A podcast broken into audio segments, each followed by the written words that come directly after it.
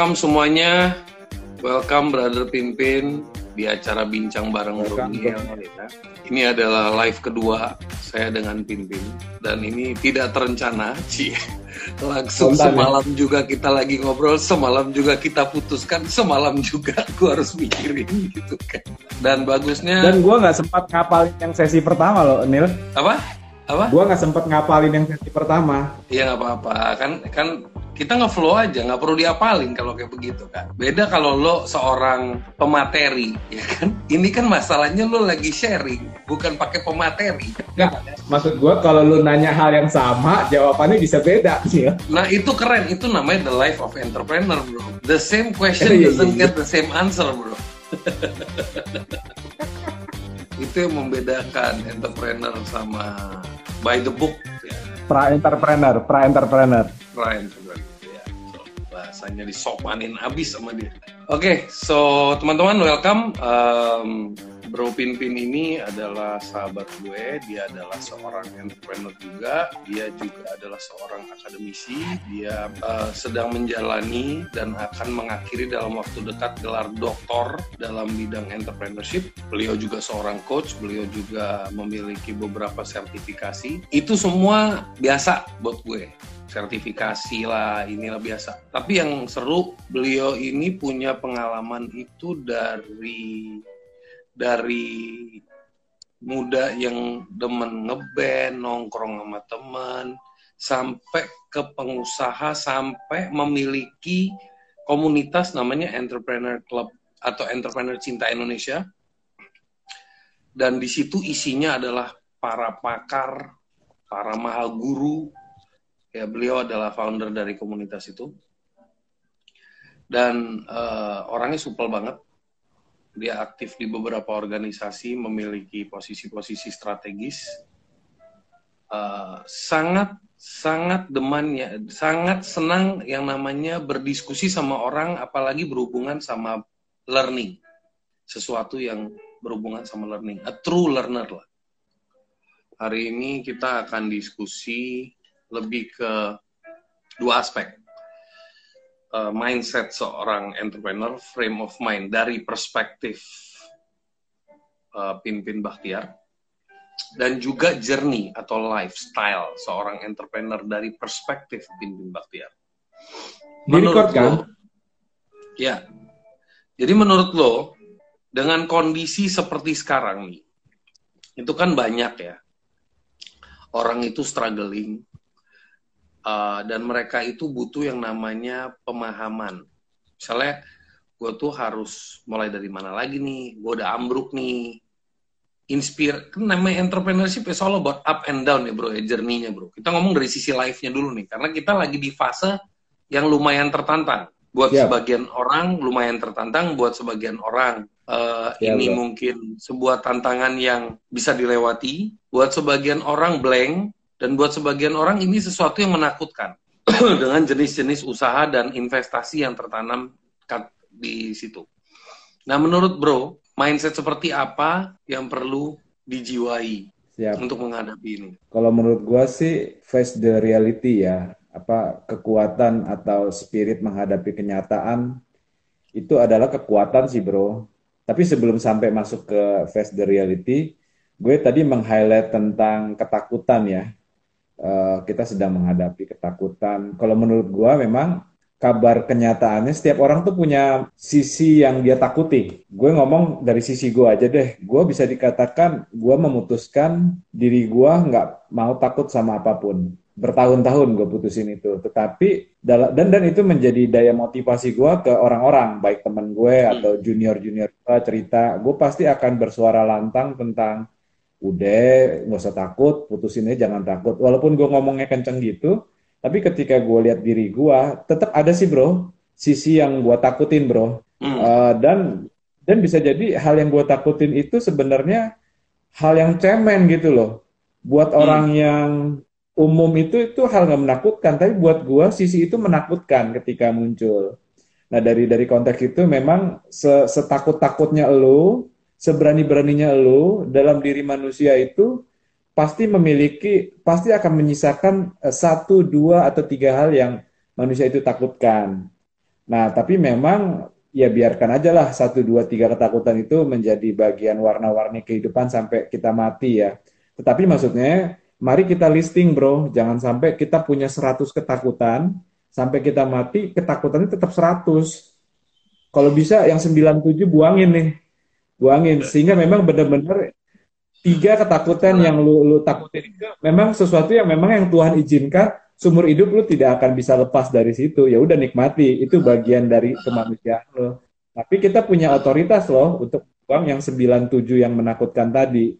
Nah bicara hadapi covid yang mengguncangkan segala macam ini kembali lagi ke teori menghadapi kenyataan itu buat gue pribadi itu sangat menguatkan sih bro. Gue ngomong ke sepupu-sepupu gue, ke ipar-ipar gue, menurut gue kekuatan kita terbaik saat ini adalah hadapi kenyataan. Ya, ketika isi pikiran kita udah menghadapi kenyataan, muncullah ide ideologis. Misalnya gaji kita tadinya se, se, bu, e, 5 juta buat sebulan. Ini karena kondisinya begini, putar otak, 5 juta 3 bulan. Nah, kalau 5 juta lu bisa 3 bulan, lu hebat. Karena tadi menghadapi kenyataan anak gua tahun ini mm, nggak mm, bisa masuk kuliah, keuangan gua goncang, ya udah nikmatin, kan masih ada tahun depan. Kuliah gua tahun ini karena covid, kayak orang ngambil S3 itu kan pikirannya kan ke mana-mana bro, antara ekonomi, yeah. study dan segala macam. Target-target S3 gua tahun ini berantakan, ya udah nikmatin, masih ada tahun depan. Tapi iya. artinya ke, uh, se seruntuh apa pun dunia itu sedang runtuh, ketika state kita adalah menghadapi kenyataan adalah kekuatanku, nah itu powerful banget sih bro. Itu akan bikin lu relax. Jadi lu ngelihat bisnis lu juga, lu akan berjuang sangat gila, tapi ketika bisnis lu ambruk, lu juga akan sangat relax. Karena lu tahu, itu ambruk kan saat ini. Gak tahu kan, dua minggu kemudian itu akan bangkit dengan sangat dahsyat kan. Ya walaupun memang secara realistis, ukuran bisnis itu menentukan orang yang bisnisnya gede tentu nggak bisa ngomong seenteng gua begini gitu. Keren banget bro. Barusan lu ngomong soal state. Bisa diulang nggak bro bagian state of mind? Ya state of mind itu uh, itu sih yang gua tadi, nyomot. Yang tadi lu ngomong jadi pada saat kita lagi ambruk kita gampang banget pada saat kita state. Itu bisa diulang nggak bro? Iya maksudnya kalau kita menghadapi kalau kita state of mindnya atau premis kita hidupku adalah ini, apa pun yang terjadi di luar sana, ya itu hanya perjalanan hidupku gitu loh. Ketika bisnis gue tembus satu triliun, ya gue happy, tapi itu bukan hidup gue. Hidup gue adalah gue. Ketika dunia itu runtuh, ya udah itu kan dunia yang runtuh. Hidup gue adalah gue. Nah itu yang yang orang-orang yang kayak gitu biasanya cenderung akan kuat sih bro. Keren bro, keren banget. Jadi barusan yang bro Pimpin share ini guys, itu adalah lifestyle sejati seorang entrepreneurship sebenarnya sebenarnya. Lifestyle sejati seorang entrepreneurship yang sebenarnya gue punya sahabat pin. Karena lu ngomong begini yeah. gue kaget. Soalnya gue punya sahabat dia bisnisnya itu lu tahu kan kalau event-event besar itu yang namanya stand sampai bikinin uh, apa dari dari kaca itu apa namanya? Yang dari kaca plastik itu?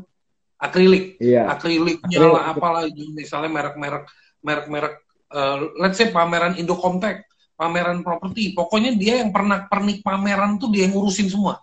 Project dia di situ. Iya. Sekarang iya. kena Covid hancur dong, Bro. Hancur total. Iya. Lo tahu pas gue tanya sama dia jawab, gue tanya sama dia, Bro, bisnis lo ambruk gila dong. Dia jawab gini, ya anggap aja tahun ini tahun rugi gue, tahun depan tahun panen gue. Mati nggak lo? Dia jawab kayak gitu. Anggap aja tahun ini tahun rugi gue, tahun depan mungkin gue panen. Jadi jadi kayak sesimpel itu dia menjawab gitu loh. Dan uh, bukan berarti dia nggak ada financial loss bukan berarti dia nggak ada uh, karyawan yang bekerja. Di pabrik bro. Dia tuh punya workshop gede gitu loh. Ah. dan tapi dia cara melontarkan itu state of mindnya itu membuat things kayak it's okay. I'm gonna face it. Jadi gue tahu it's so easy gitu tapi cara dia ngomong gitu itu state of mind yang yang entrepreneur sejati. Dan thank you lo udah share itu dan lo mengingatkan itu. Jadi itu juga mungkin bisa menjadi manfaat buat teman-teman. Siap siap. Bro uh, itu tadi adalah state. Gimana kalau state itu ditranslate mungkin menjadi sebuah langkah, bro? Lu pernah sharing sebuah metodologi yang lu sempet belajar bareng sama Pak Hermawan. Dan metodologi itu mungkin bisa lu share, bro. Keren itu, bro. Uh, aku dek ya cukup dekat lah sama Pak Hermawan karena keterlibatan di organisasi yang beliau kembangkan juga secara personal juga cukup interaksi. Jadi ketika Pak Hermawan menyatakan spa gitu kan, itu menjadi notifikasi yang double tuh, baik secara konsepnya, baik siapa siapa yang mengatakannya. Ya artinya buat gue terjadi verifikasi, wow, di mata Pak Hermawan Kartajaya kondisi yang sedang berlangsung itu as simple as that ternyata. Jadi Pak Hermawan kan kemarin ada sesi uh, apa sesi uh, bincang Zoom gitu-gitulah itu dia dia eh, pertanyaannya kan gimana sih pandangan bapak atas kondisi yang ada? Ya beliau itu merespon kondisi yang ada itu dengan dengan sesuatu yang simple banget yaitu spa. Spa itu berbicara tentang survival preparation dan actualization. Jadi uh, ya udah ya sebenarnya mirip sama yang gue sampaikan tadi survival itu oke okay, corona lagi berlangsung. Ya udah teka, tekan tombolnya kita bertahan. Udah uh, ya kalau ada peluang silakan diambil. Tetapi kalau jika peluang itu tidak tidak ada ya tetap aja tekan tombolnya kita bertahan. Ya benar baik itu bertahan beneran, baik sekaligus jika ada peluang silakan diambil.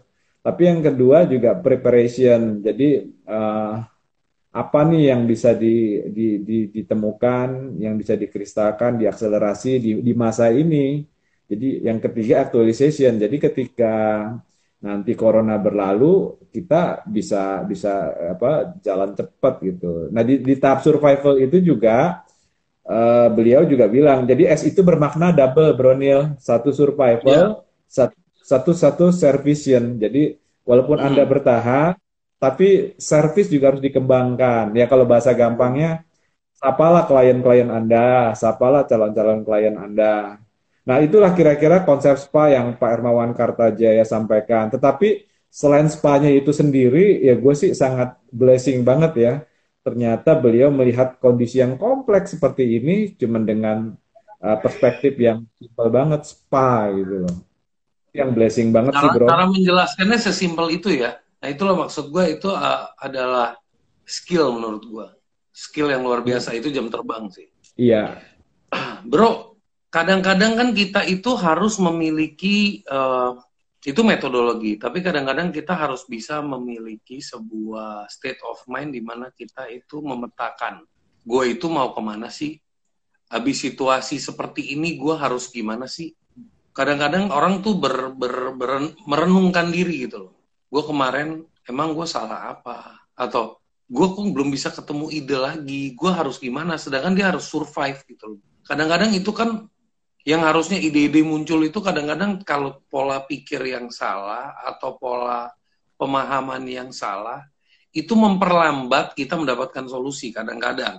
Nah itu kira-kira ada nggak yang bro mungkin bisa share tips untuk pola pemahaman berpikir agar kita dalam kondisi yang tadi tekan tombol survive bukan berarti kita berdiam diri tapi kita menggunakan momen-momen itu untuk berpikir dan merealign diri kita. Iya. Ya memang uh, fase yang berjalan ini memang akhirnya ini fase yang berjalan ini evaluatif sih, uh, evaluatif untuk merenungkan siapa kita dan mau ke mana dan bagaimana secara umum seperti itu. Ya sekaligus secara pribadi gue juga me men-challenge diri gue dan sahabat-sahabat gue untuk misalnya ini fase yang sebenarnya memang memang menjadi validasi, e, menjadi pertanyaan bagi kita, lu sebenarnya siapa ya selama ini? Anjir, itu nah, pertanyaan berat, bro. lu sebenarnya siapa? Yang enteng, bro, iya. jangan yang berat. Kalau itu sudah cukup dijawab sebelum fase COVID, itu akan sangat membantu di fase COVID ini, bro. Hmm. Tapi memang kalau ya ini teori gua lah, bisa salah. Yeah. Tapi kalau yeah. kur gitu. Tapi kalau di masa COVID ini lu lu terguncang banget, ya memang sekaligus itu menjadi ajakan gua untuk refleksi. Sebenarnya lu siapanya udah kita kristalkan nggak selama ini? Karena eh, secara pandangan umum siapa kita itu kan menentukan apa sikap kita dalam kondisi-kondisi yang. Nah, COVID ini memvalidasi itu. Jadi kalau kitanya udah udah kristal, udah udah udah kenceng dari dari, dari awal, ya COVID ini uh, ya COVID lah dengan segala konsekuensinya gitu. Ya pimpin tetap pimpin, Sunil tetap Sunil, siap si A, si B tetap si A, si B, si C. Itu sih bro, yang paling penting sih menurut gue. Uh, jadi mempertanyakan siapa lu, siapa kita, itu yang akan menjadi fundamental sih. Lu juga pernah menceritakan tentang ada empat kuadran atau empat matriks yang kadang orang itu tahu dia di mana tapi nggak tahu mau ke mana. Gue lupa tuh. Oh Iya, ada iya, empat, iya, iya. Ada empat, ada empat, empat sisi, empat sisi ya, empat sisi. Dari Jadi, Proprian, Proprian. Apa namanya? Dari Proprian itu. Oh ya, ah. itu nama nama itu nama nama kuadran itu apa maksudnya? Uh, what do you call that? Gue cuman ngutip aja sih ya dari yang Proprian yeah. itu ya. Ya sebenarnya kalau di nanti dicari tahu juga akan kelihatan konsep aslinya apa dan uh, peruntukannya seperti apa. Tetapi memang yang kalau pas gue ngutip dari Proprian itu konteksnya bisnis bro. Jadi okay, memang ke dalam kan uh, pasti kita akan apa memiliki potensi posisi dalam salah satu di antara empat kuadran itu kan kuadran non to non, non to unknown, unknown to non, unknown to unknown, ya kan? Oh, oke oke gue lupa. Non to non to unknown ya. Non to non. Non to non dulu, non to non, terus habis itu? non, non, non to unknown. Ya. Terus unknown to non, terus unknown to unknown. Kalau okay. non to non paling paling paling paling kompleks berarti ya. Unknown to unknown itu paling kompleks. Ya, paling paling iya, paling paling realistis justru. Eh, maksudnya justru itu pilihan realistis yang yang yang kita harus ikhlas memilihnya bicara non to non kan gue tahu gue siapa. Gue jago jualan nasi goreng dan gue tahu orang yang demen nasi goreng banyak udah jebret gue bikin bisnis non to non. Tapi uh, non to unknown gue tahu gue bisa bikin nasi goreng. Cuman ada nggak pembelinya? Udah masa bodoh lah. Yang penting nasi goreng gue enak kata teman-teman gue enak karena kata anak bini gue enak. Terus ada yang ketiga uh, unknown unknown to known. Gue tahu orang banyak yang demen nasi goreng, tapi gue kagak kagak yakin nih gue bisa kagak bisa masak kagak nasi goreng. Kagak bisa nasi goreng. Tapi masa bodoh lah, pasarnya ada.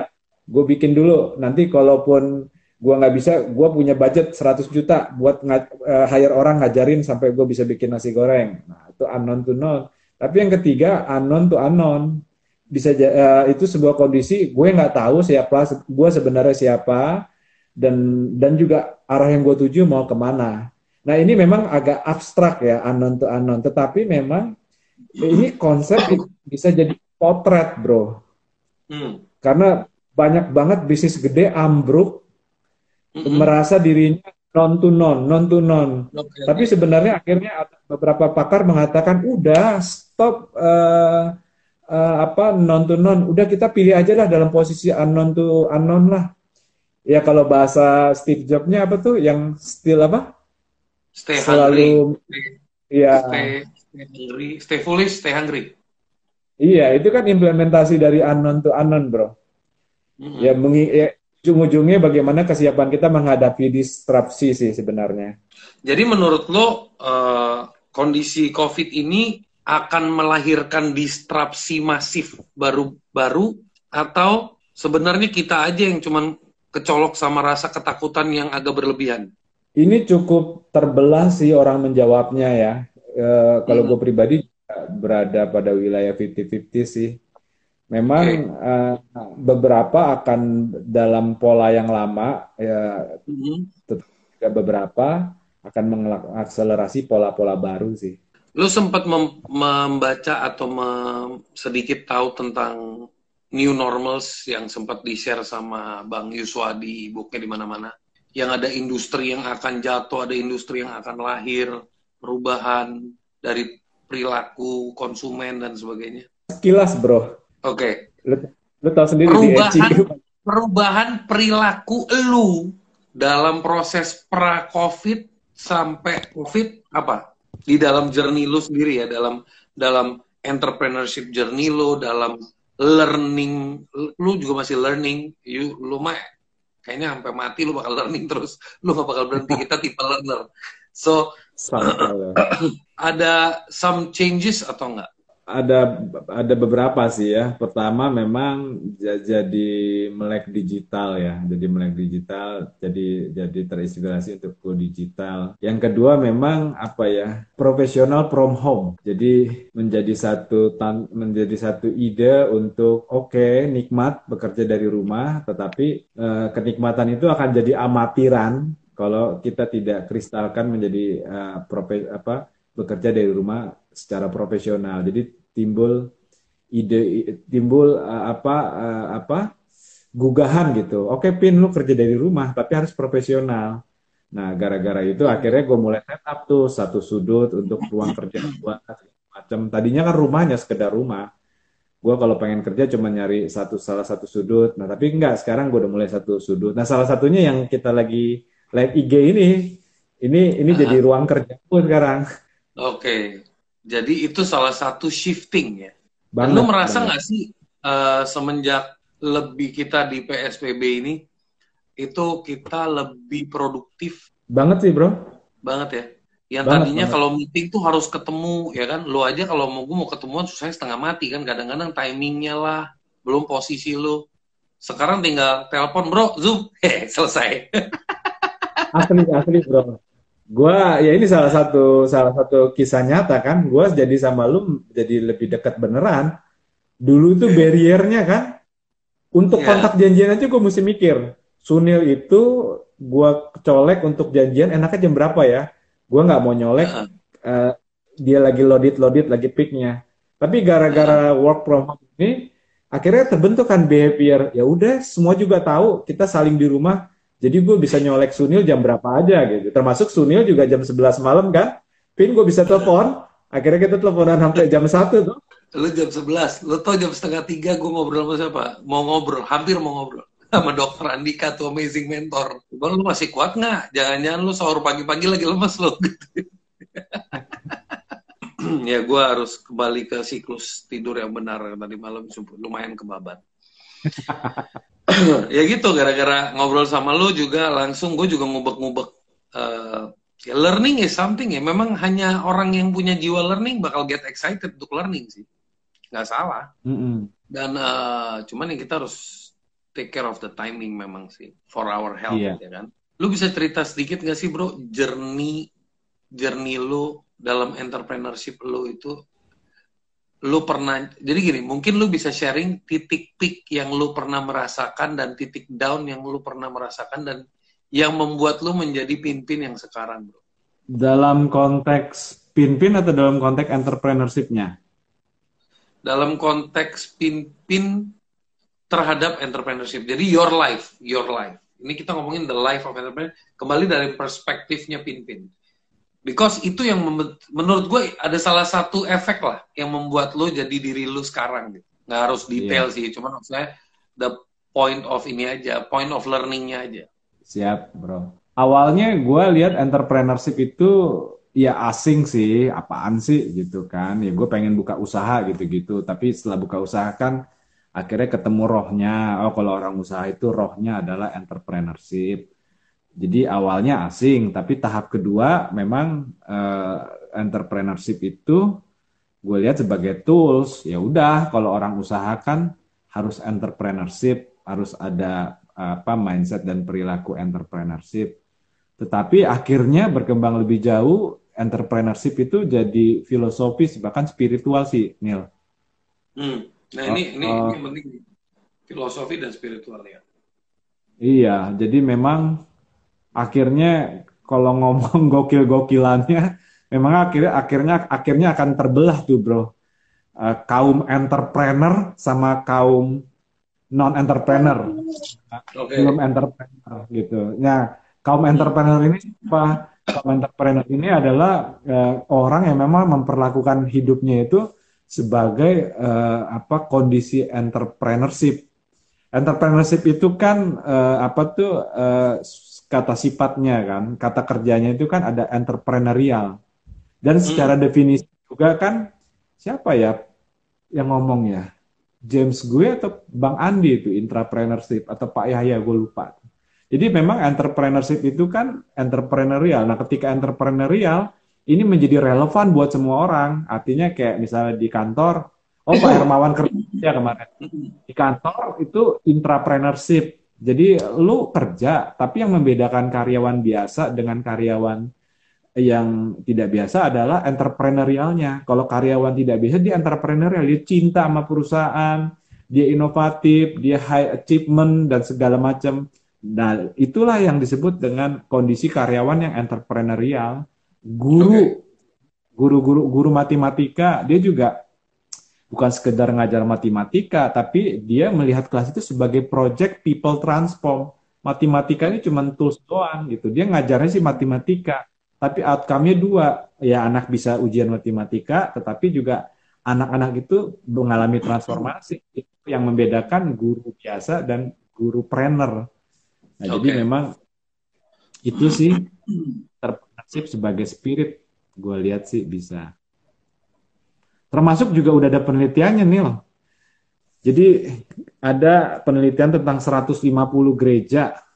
Jadi gereja yang memilih jadi gereja biasa ya itu cerita lain tapi ini gereja-gereja yang dianggap melakukan perilaku entrepreneurial bukan cari duit ya tapi dia mengelola organisasi spiritualitas dan keumatannya secara entrepreneurial dan 150 gereja ini memang hasilnya berbeda sih. Oke. Okay. Lu kan udah pernah bisnis tuh, bisnis lu udah pernah macem-macem lah ya. Dan apa sih yang membuat lu terpanggil untuk mendalami bahkan menjadi doktor di bidang entrepreneur. Jadi kayak menjadi menjadi uh, mengambil ilmu tertinggi lah Padahal kan kadang-kadang orang tuh mikir gini ya, ah, kebanyakan belajar udah kalau entrepreneur mah just do it, just do it gitu kan, just do it, just keep on doing gitu. Kok lu mau sih persu diri lu uh, melewati karena itu tantangan bro. Gue harus akui tantangan untuk lo ngambil S1 udah pertama lo tantangan. Ngambil S2 bencok tantangan lagi. Ambil S3 super gila. Jadi lo lagi jalan di bisnis iya lo lagi jalan apa education lo juga. I mean apa energi dari mana dan apa yang membuat lo mau persu ke sana bro iya. Memang kadang-kadang gue lucu sih bro. Gue udah capek-capek belajar entrepreneurship sampai S3 tuh bro. Kadang-kadang gue ketemu definisinya. Dan ketemu definisinya juga cuman itu doang gitu. Tapi gue giranya luar biasa. Oh ini tuh essence of entrepreneurship. Tapi di sisi lain gue juga ketawa. Gila ya gue cuman untuk ketemu definisi ini aja gue mesti ngambil S3 padahal googling aja bisa kan tapi memang uh, kalau bicara filsafat bro the power of definition itu itu gila bro hmm uh, kemampuan seseorang memaknai akan sesuatu itu yang akan membedakan orang demi orang. Okay. Jadi si A memaknai makan itu apa, si B makan, makan apa, si C makan itu kualitas hidupnya akan berbeda. Jadi okay. ya walaupun lucu hanya ketemu definisi uh, bukan hanya sih salah satu yang gue temuin definisi tapi ternyata tapi memang kan untuk gue sampai ketemu definisi itu, jurnal yang gue baca 200 biji, bro. Nah, tuh dengerin tuh guys. Aduh, gue bisa pingsan. Oke, terus? 200 biji Spiritnya, bro. Spiritnya, spiritnya. Apa yang membuat lu... Kan orang tuh penasaran, toh. Bener nggak? Yeah. Orang tuh punya jiwa penasaran, makanya akan melakukan. Lu tuh penasarannya di mana? Udah tahu entrepreneurship, kadang ada up, kadang ada down, pala peang ngurusin anak buah, ngurusin gaji. Iya. Ngurusin whatever money, cash flow, bla bla bla. Tapi lu masih mau persu sampai ke dalam. Ada dua, bro. Jadi memang pertama bicara purpose ya. Jadi gue bertanya sama diri gue dan sama Tuhan. uh, yang kedua memang masalah pemberdayaan UMKM lah. Tapi yang pertama masalah purpose, gue bertanya sama Tuhan, gue ini siapa sih? Gue bagusnya di mana gitu? Gue gue akan bermanfaat tuh gimana? Nah, jadi menurut gue jalan Tuhan lah bro. Akhirnya timbul kata entrepreneurship itu, itu switching bro. Tadinya kan gue pengen jadi pakar properti bro. S2 ku yang kedua kan real estate bro.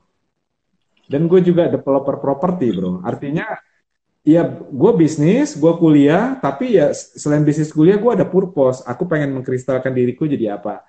Nah, gue 2005, 2013 sampai 2015 gue pengen jadi pakar properti. Tapi ketika gue mulai bertanya sama Tuhan, 2015, akhirnya muncullah tentang ide entrepreneurship tuh. Walaupun gue udah ratusan kali denger, tapi teridekan pas 2015 itu. Oh, gue di situ gue mikir, kenapa nggak jadi apa expertise di entrepreneurship aja. Ya udah gue putuskan gue ketuk palu.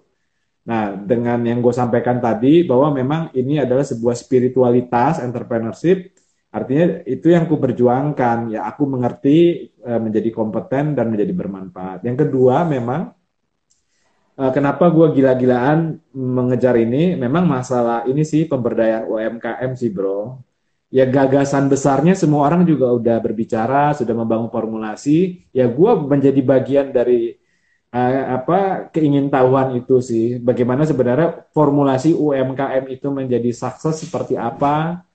Ya oke, okay, aku bisa ya aku studi. Nah dengan studi ini aku harap jika nanti aku melakukan pemberdayaan, melakukan formulasi itu bisa berdasarkan kompetensi yang gue punya. Semangat itu bro. Oke, sambil saya lanjut ngomong sama Brother Pinpin ini, teman-teman bisa mempersiapkan pertanyaan-pertanyaan yang mungkin nanti bisa dibantu. ini orang agak gokil sih.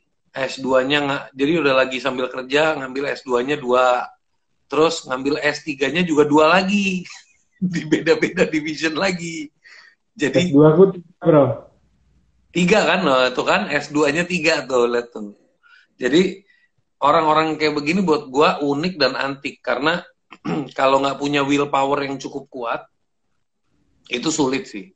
Sulit menjadi orang yang driven banget untuk mau menjadi pema meningkatkan pemahaman dan pembelajaran yang cukup tinggi. Bro uh, tadi kan lu ngomong tentang entrepreneurial. Apa sih uh, top 3 atau top 5 behavior atau thinking prosesnya seorang entrepreneurial? Thinking prosesnya ya, uh, mungkin gue agak sedikit mundur ke definisi kali ya bro, mungkin yeah, benar-benar dari terjawab. Yeah.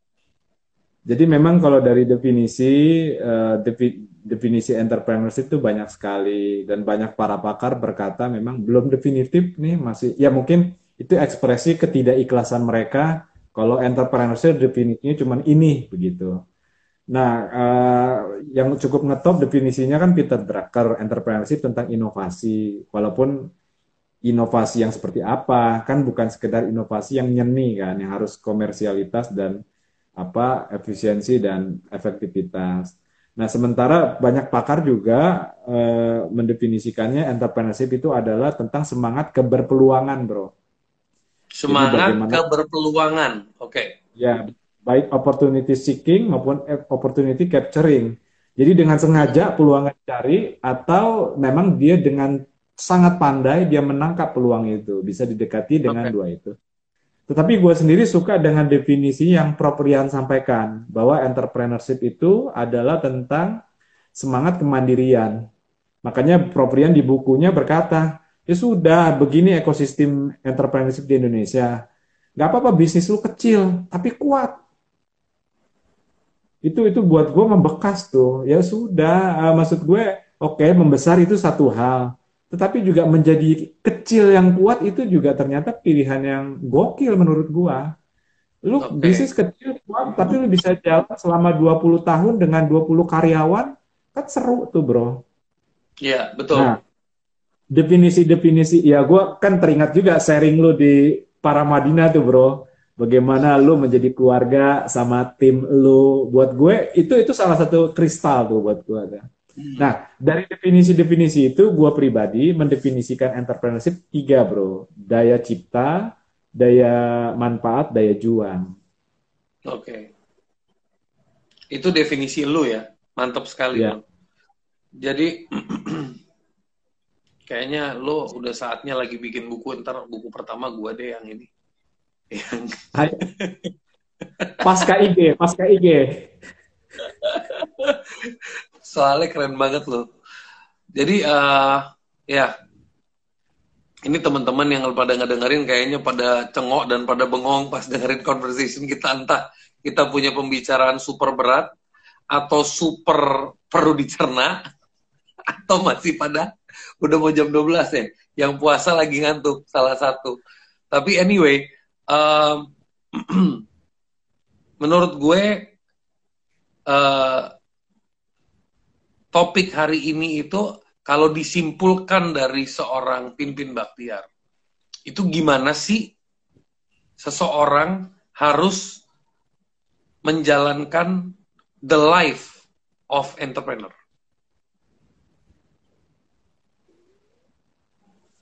Kalau disimpulkan pesan-pesannya oh, okay. pimpin sebagai a message, mungkin dalam Siap. beberapa poin boleh.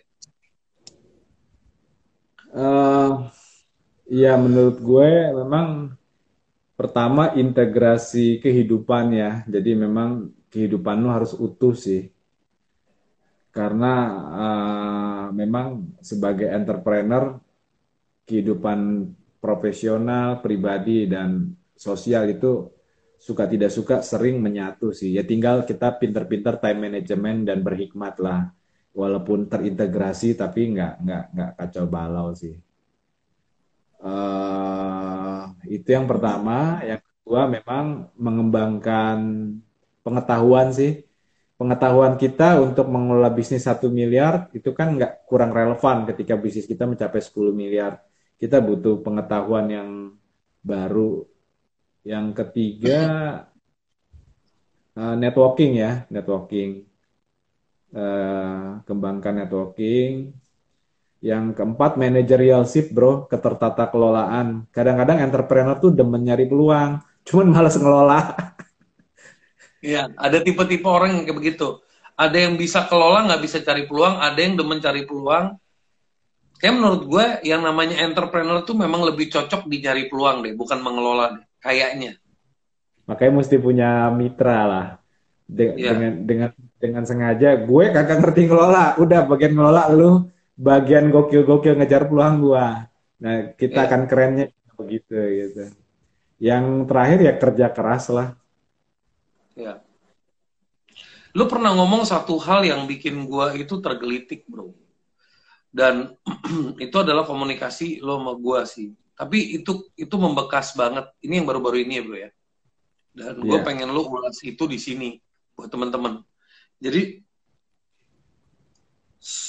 manusia itu dianggap keren itu bukan karena cuman dari sisi ilmu atau pengetahuan atau pengalaman. Ini gue coba lagi inget yang membekas di gue dan yang gue iya. pahamin. Yeah. Tapi dia juga punya capability, uh, dia bisa all out thinking, all out sharing, all out solution finding gitu ya. Tapi dia juga bisa all out hard working gitu yang lo pernah ngomong. Jadi kadang kan orang cuma di sisi ini doang nih, yang bagian hardworkingnya nggak siap nih, dan itu membuat orang itu jadi ambruk gitu. Itu yang gue gue menggarisbawahi dan itu yang gue feel dan apa sih kira-kira yang membuat orang itu kadang-kadang dia dia bisa main di arena tertentu tapi kenapa bagian hard worknya dia nggak bisa kasih lihat gitu? Nah itu mungkin kalau kalau lo nangkep maksud gue mungkin lo bisa refresh my memory. Gue agak lupa juga ya eh, konteksnya apa ya tapi memang masalah kerja keras itu sih mendasar sih lu lu boleh bego banget tapi kalau lo kerja keras Tuhan akan perhitungkan sebagai hmm. blessing, sebagai petunjuk Tuhan begini begono, sebagai daya angkat Tuhan buat orang itu. Mungkin juga bisa dikawinkan ini kali bro, the power of gerak itu bro. Hmm. Jadi kalau orang bergerak pasti akan tiba kepada sesuatu, walaupun salah nggak apa-apa lah, ketimbang dia stay di situ-situ aja. Nah, mungkin kaitan hard walking sama the power of gerak itu itu jadi kalau lu dengan hard walking itu kan the power of geraknya terjadi kan. Lu selalu bergerak, lu selalu bergerak. Ya memang benar sih ada nasihat baik, jangan kerja keras doang dong, kerja cerdas. Itu bagus untuk uh, leveraging, untuk accelerating. Tapi tetap fundamentalnya hard walking sih, Bro. Yeah. Karena nggak semua nggak semua orang beruntung lo bisa kerja cerdas. Iya, betul kan butuh ekosistem, butuh training, butuh nasihat untuk orang bisa kerja cerdas. Tapi kan yang paling basic yang dipertanyakan hati nurani setiap kita, apakah kamu pekerja keras? Itu kan yang harus kita jawab sebenarnya. Ya kerja keras kita nggak mesti otot dengan yeah. pikiran kita terlalu mengkristalkan ide-ide dan arah kita itu juga bagian kerja keras kita. The power of kerja keras gue memang seperti itu, brother. Jadi no matter what you do, menurut gue ya lo ngambil S2 sampai 3 ijaz sampai 3 jurusan, lo ngambil S3 sampai 2 jurusan itu part of kerja keras sih, Bro. Bukan kerja cerdas. Setelah lo mendapatkan itu lo menjadi cerdas, iya. Tapi menuju itu itu menurut gue kerja keras. Jadi definisi kerja keras itu mungkin Eh, sebelum lo menggapai sesuatu dengan kecerdasan, lo harus bekerja keras untuk menjadi cerdas. Iya. Jadi uh, supaya orang nggak nggak. Jadi ya itu yang membedakan orang di level tertentu dan orang di level tertentu menurut gue gitu sih. Ya. Iya.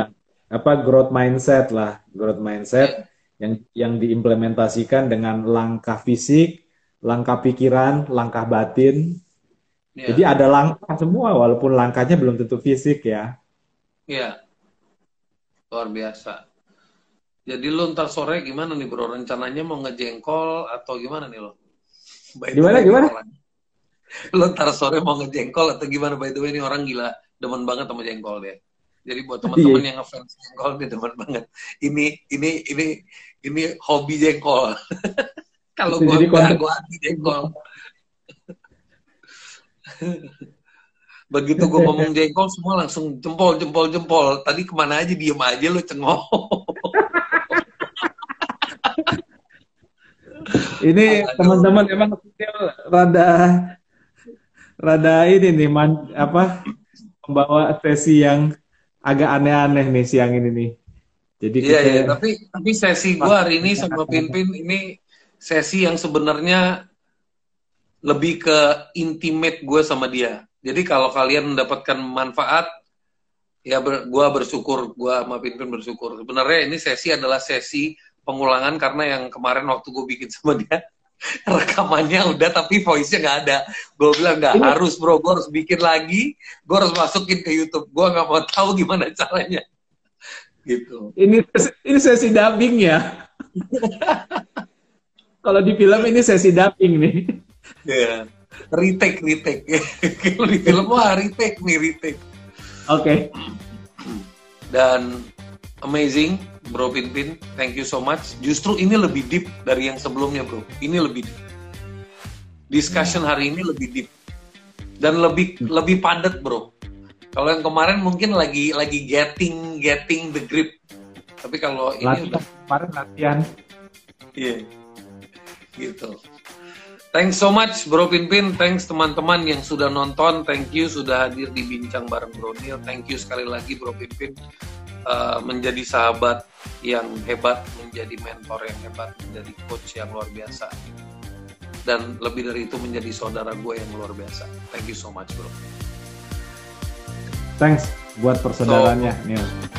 Have a great weekend for all of you. Have a great weekend buat Pinpin dan keluarga jangan lupa nanti kita mendalami lagi hal-hal yang tadi malam kita bicara. Oke, Bro. Iya, iya. Salam kenal teman-teman. Nice to meet you. Jangan lupa follow Bro Pimpin. Orangnya tuh ya begitu tuh humble tapi ilmunya banyak. Dan followernya nggak nambah-nambah. Nggak penting bro. Follower nambah nggak nambah nggak penting. Yang penting ilmu nambah kita berbuat baik. Urusan follower nomor dua lah.